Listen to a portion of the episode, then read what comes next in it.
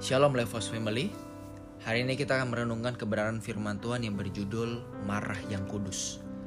Levos Family, kemarahan adalah satu hal yang sangat wajar dan manusiawi. Di dalam Alkitab pun kita menemukan tokoh-tokoh Alkitab yang dipandang sebagai tokoh yang kudus dan suci juga ternyata pernah marah. Seperti contohnya Musa dalam Keluaran 11 ayat 8, Daud dalam 2 Samuel pasal 6 ayat 8, Ayub dalam Ayub 32 ayat 3, Yunus dalam Yunus pasal 4, bahkan Tuhan Yesus sendiri dalam Markus 10 ayat 14 juga marah. Dan Paulus sebagai salah satu rasul yang sangat terkenal dan sangat mempengaruhi dunia perjanjian baru juga pernah marah dalam 2 Korintus pasal 10. Nah, hal ini menunjukkan bahwa semua orang bisa marah. Dan marah tidak ada hubungannya dengan orang suci atau tidak suci. Jadi kemarahan tidak berhubungan dengan kesucian seseorang. Orang suci pun bisa marah. Namun tergantung marahnya bagaimana. Ya. Jadi yang salah bukan marahnya, tapi bagaimana marahnya. Marah yang benar adalah marah yang kudus, seperti yang ditunjukkan oleh Alkitab. Nah, kita mungkin bingung, seperti apa marah yang kudus? Pertama, marah yang kudus adalah marah yang sadar batasan. Marah yang sadar batas. Dalam Efesus pasal 4 ayat 26 dikatakan, Apabila kamu menjadi marah, janganlah kamu berbuat dosa janganlah matahari terbenam sebelum padam amarahmu. Ayat ini menyatakan pada kita bahwa kita boleh marah. Kita boleh marah dan itu suatu hal yang manusiawi.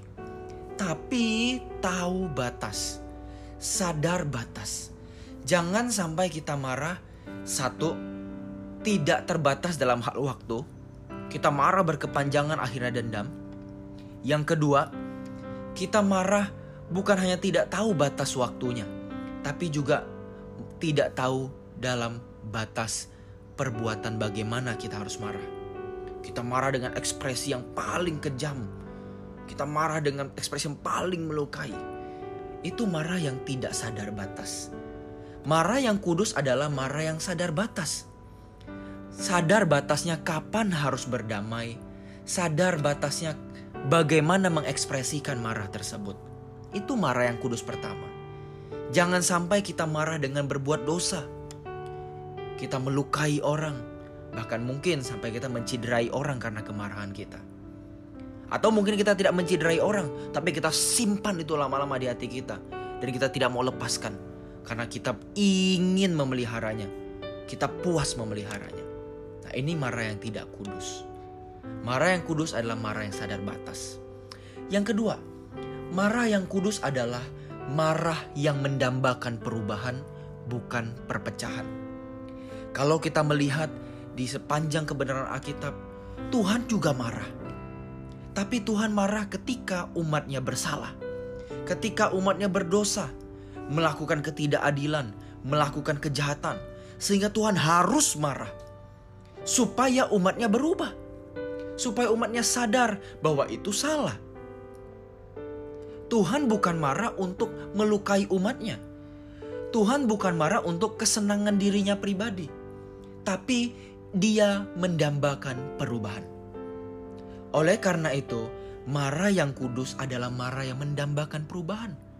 Bukan hanya ingin marah, hanya ingin menempatkan diri kita sebagai orang yang dilukai dan supaya orang tahu kita marah. Ternyata tidak saudaraku. Marah yang benar adalah marah yang mendambakan perubahan bukan perpecahan. Dan yang terakhir, marah yang kudus adalah marah yang berbelas kasih.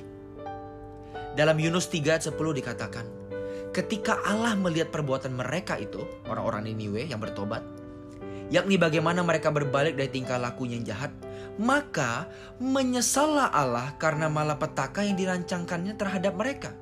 Dan ia pun tidak jadi melakukannya. Dalam hal ini kita bisa melihat Allah bisa mengurungkan niatnya. Allah bisa menaruh belas kasihan ketika dia melihat orang yang berhadapan dengan dia, umat yang berhadapan dengan dia, ada tanda-tanda mau berubah. Atau dia menunjukkan tanda-tanda menyesal. Menunjukkan tanda-tanda ingin berdamai. Allah berbelas kasih.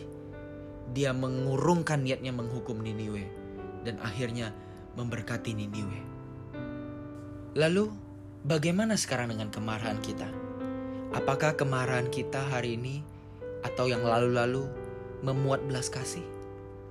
Kemarahan memuat belas kasih adalah kemarahan yang mengingat bahwa orang itu tidak pernah bercita-cita ingin melukai kita.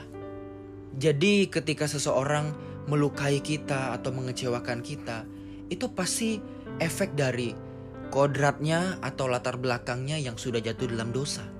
Dia mewarisi latar belakang psikologis, luka masa lalu, pengalaman buruk terhadap keluarganya, dan berbagai hal sehingga ia bisa melakukan hal itu kepada kita. Kita tidak pernah bercita-cita melukai orang lain, begitu juga orang lain terhadap kita. Maka kita harus mengampuni mereka. Apalagi kalau mereka orang-orang terdekat kita. Jangan hanya mengingat kesalahan-kesalahan yang mereka lakukan. Tapi ingatlah bagaimana mereka telah memberi warna dalam hidup kita. Terutama keluarga kita. Bagaimana pasangan hidup kita mewarnai hidup kita. Bagaimana anak-anak kita membuat kita bahagia ketika mereka terlahir ataupun mertua kita, bagaimana mereka mengasihi kita dan menerima kita sebagai anak. Mari kita ingat hal-hal yang baik, sehingga dalam kemarahan kita pun kita mampu untuk berbelas kasih. Mari Lifehouse Family, kita sungguh-sungguh belajar untuk marah kudus ini. Ini tidak mudah, tapi ini pantas untuk kita usahakan dan perjuangkan bersama-sama. Demi keberkenanan kita di hadapan Tuhan. Tuhan Yesus memberkati.